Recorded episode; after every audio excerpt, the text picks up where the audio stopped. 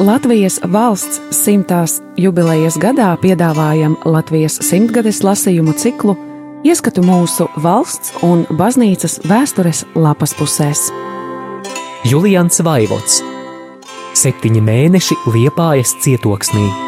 No 1944. gada 9. oktobra līdz 1945. gada 9. maijam.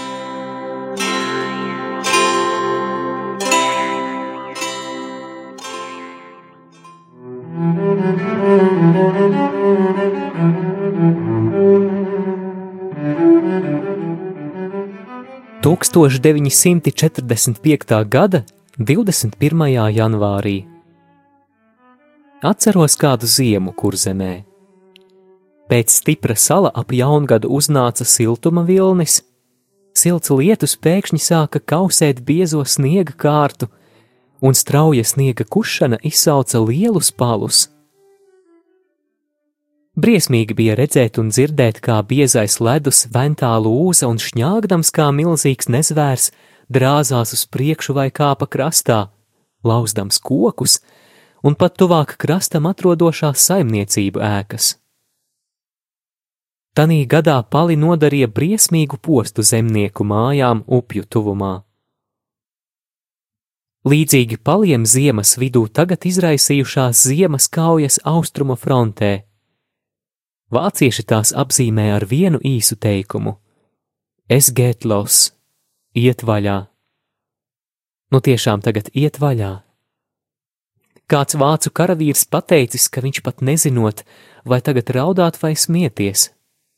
Būtu jāraud, redzot un iedomājoties šausmīgo tautu slaktēšanos, un reizē arī jāpriecājas, jo tas viss tuvinot kara beigas. Jau devītā diena, kā sākās Krievu ziemas ofensīva uz bijušās Polijas teritorijas ieņemta Varšava, Krakova, Čenstohova, Lodza un daudzas pilsētas uz rietumiem no Varšavas, kā arī Prūsijas ziemeļaustrumos. Tilzīti arī vācieši atstājuši. Kā vācu komentātors aizvakar izteicās, tikai divas reizes pēdējā gada tūkstotī esot bijusi tāda austrumu karaspēka masa sapulcināta uzbrukumā Centrāla Eiropai kā tagad. No tā var spriest par tagadējo kauju apmēriem. Jāatceras to, kas kādreiz jau norisinājies pie Tanenbergas, kad Krievu virspavēlnieks iesita pļauku ģenerālim, jo tas nezināja pateikt, kur palikusi viņa armija. Īsā laikā armija bija izkususi, kā sākumā minētais sniegs atstājot tikai milzīgas postažas pēdas uz cīņu laukiem. Kāds būs šīs milzīgās tautu spēkošanās rezultāts, to šodien laikam nevar paredzēt arī tie, kas izpilda režisoru lomas. Ne režisors tēlo, bet aktieri. Un no viņu aizrautības ar lomas nozīmi un nopietnības atkarīga izrādes vērtība.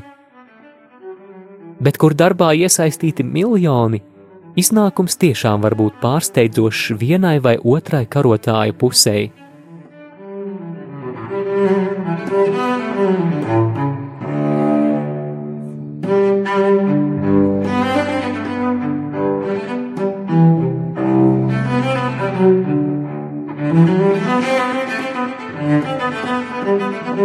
1945. gada 22. janvārī. Šodien pirmo reizi šī ziemā izbraucos ar kamanām. Biju pie kāda slimnieka jaunliepājā. No frontes puses uz liepāju brauca tik lielas autokolonnas un zirdzinieku rindas, ka grūti tikt uz priekšu pretējā virzienā. Par nelaimi Ormanim tāds zirgs, kas baidās no automobīļiem. Prasu, kur viņš tādu ņēmis. Saducis atbild, ka tas jau nesot viņa agrākais zirgs. Pirms dažām dienām bijusi izsludināta zirgu reģistrācija, un tanī viņam paņemts zirgs, kurš atceros tiešām bija labs. Turpat, kur nodevu savu zirgu, nopirku šo maitu, stāsta Ormanis. Bet tas ne tik vien maita pēc izskata, bet arī pēc dabas, jo vakar raudamies atpakaļ no pretī ejoša automobīļa, tikko nepagrūda kamana zem smagās mašīnas. Mans pasažieris izsprāga no kamanām ārā kā korķis no šampanieša pudeles. Jautāju Ormanim, cik viņam par zirgu samaksāja.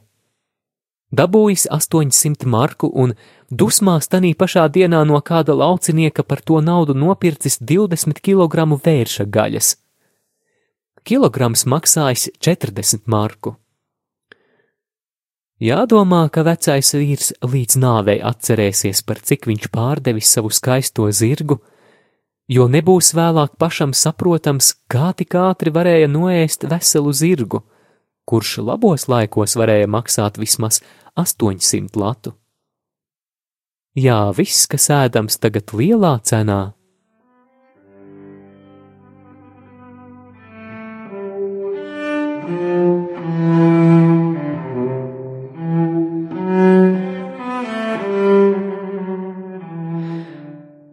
Slimais, pie kura biju, gan laikam ilgi vairs uz šīs zemes nemocīsies. Gados jau vecs vīrs, pirms diviem mēnešiem rokot kaut kur aiz liepājas nocietinājumus, esot stipri saaugstējies.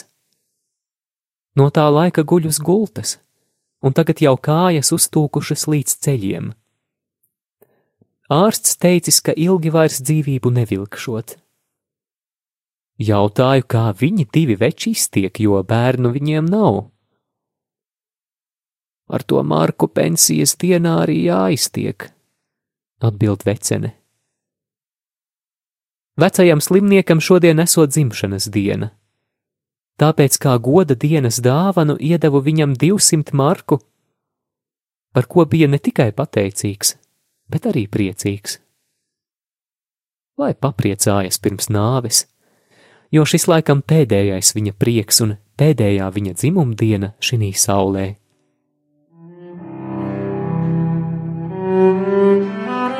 Tūkstoš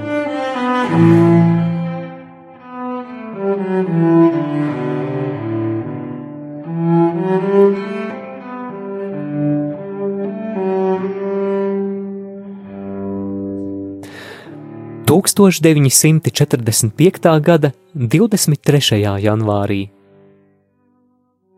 Cik viegli un bez kādiem sevišķiem iemesliem var izcelties karš uz dzīvību un nāvi? Pavakarē no kādas mājas iznāca vācu virsnieks ar savu suni. Vilku sugas, labi noaudzis un redzams arī labi paēdis dzīvnieks, no prieka un labsajūtas sāka dancot uz visām pusēm. Te, kur bijis, nebijis, ceļā radās mazs melns šunelis. Lielais vilks pat lāgā pēc suņa modes neapostīja savu cilts brāli, metās tam virsū un saķēris aiz skausta sāka to daudzīt sev pa sāniem. Mazais sacēla tādu brēku, ka visi tuvumā esošie cilvēki sāka skriet kaujas virzienā. Kāda dāma liekas mazā lopiņa īpašniece vai manāja pilnā balsī: Virsnieks savu mīluli centās savaldīt, dodams tam tādus spērienus, kādus tikai maršos norūdītas kājas spēja dot. Bet dzīvā gaļa, kurā ielaisti vilka zobi, laikam vairāk suni kairināja nekā kāju spērieni sāpināja, jo lielais suns mazo nepalaida, iekams virsnieks, saķēris savu suni aiz pakaļkājām, neatrāva no pusdzīvās mazās radībiņas.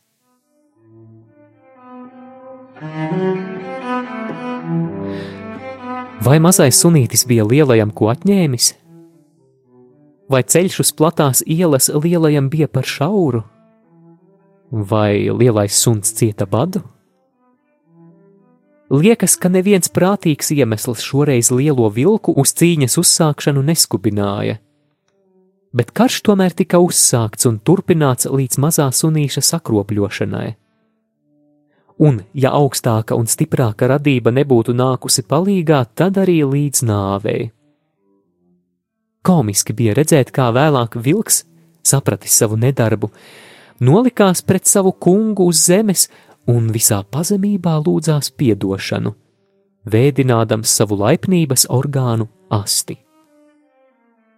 Arī sodu padevīgi saņēma. Bet vai mazajam melnim kaut drusku no tā tika vieglāk? Vēl ilgi nabagam būs jālaizās, iekams šīs dienas pastaigu pavisam aizmirsīs.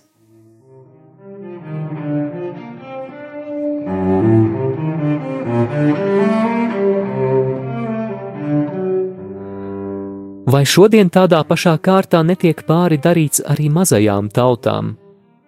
Viņas ir tik mazas un virs zemes aizņem tik maz vietas, ka lielajām nebūtu iemesla tās aizskart. Bet tāpēc vien, ka viņas arī pie kāda zemes stūrīša grib apstāties vai palikt, jo arī viņām ir vajadzības, līdzīgas lielajām, tās tiek purinātas aiz skausta līdz galīgai sakropļošanai un daža pat līdz nāvei, kā piemēram mūsējā.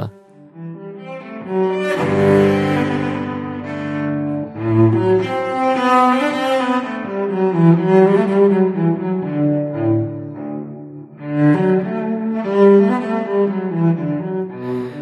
945. gada 24. janvārī. Šodien pieteica divus slimniekus un pie abiem vajadzēja iet kājām, jo ormaņi pirms pulksten 11 no mājām nelaižoties. Vispirms aizgāju uz slimnīcu, kur tuvu nāvē kāds 17-gadīgs zēns. Bez piemērotām drēbēm aizsūtīts no fabrikas rakt nocietinājumus, kur pārsalis, un viss uztūcis kādu laiku gulējis mājās. Tagad atvests uz slimnīcu, bet diez vai būs glābjams, jo izskatās vairāk pēc līķa nekā pēc dzīva cilvēka. Katrā ziņā vajagot viņam ieliet vismaz kilogramu asiņu, bet kur lai tās ņem? Viena persona gan esot ar mieru to darīt, bet prasot 300 marku par gramu. Tā jau ir pasakaina cena, ja zēna māte man pareizi pateica.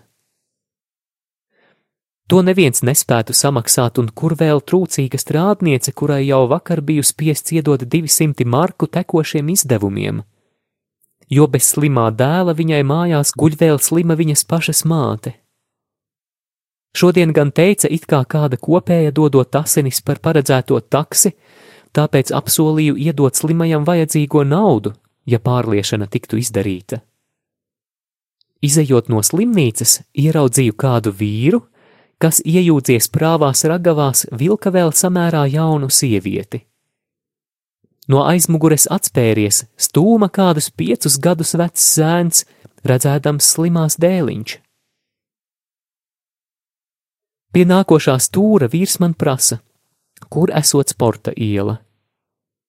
Izbrīnījos par jautājumu, jo biju pārliecināts, ka vīrs sievieti ved no slimnīcas mājās, un vai tad braucēji nezinātu savu dzīves vietu?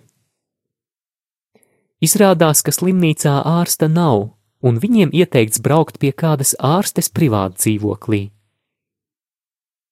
Kad iedomājos vīra un mazā stūmēja piepūli, kamēr viņi slimnieci aizvedīs līdz sporta ielai un atpakaļ, viss īgnums pret ormani, kurš atteicās vest mani pie slimniekiem, pārgāja, un tālāk ejot, kājas kaut kā vieglāk sāka celties un ātrāk nest pie otrā slimnieka.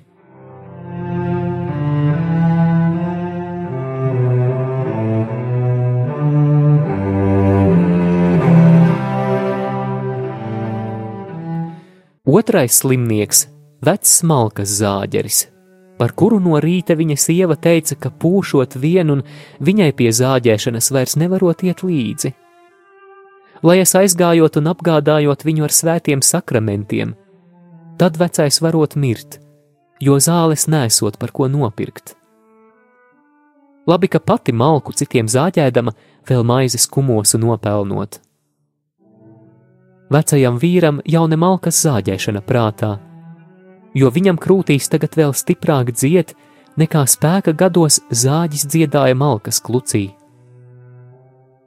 Viņš arī pats nāvi gaida kā atpestītāju no visām grūtībām. Izaudzinājis četrus bērnus, bet tie neliekoties gar vecajiem nezinis. Kā mīkstinādams bērnu vainu vēl piebilst – Ko viņa tādos laikos man var līdzēt, kad pašam nekā nav? Par mazu naudas pabalstu, ko izsniedzu, bija ļoti pateicīgs, bet cik ar to ir līdzēts? Kādas summas tagad būtu vajadzīgas, lai kaut cik palīdzētu visiem, kam palīgs tiešām vairāk nekā vajadzīgs? Kurei vai skaties, visur trūkums rēgojas.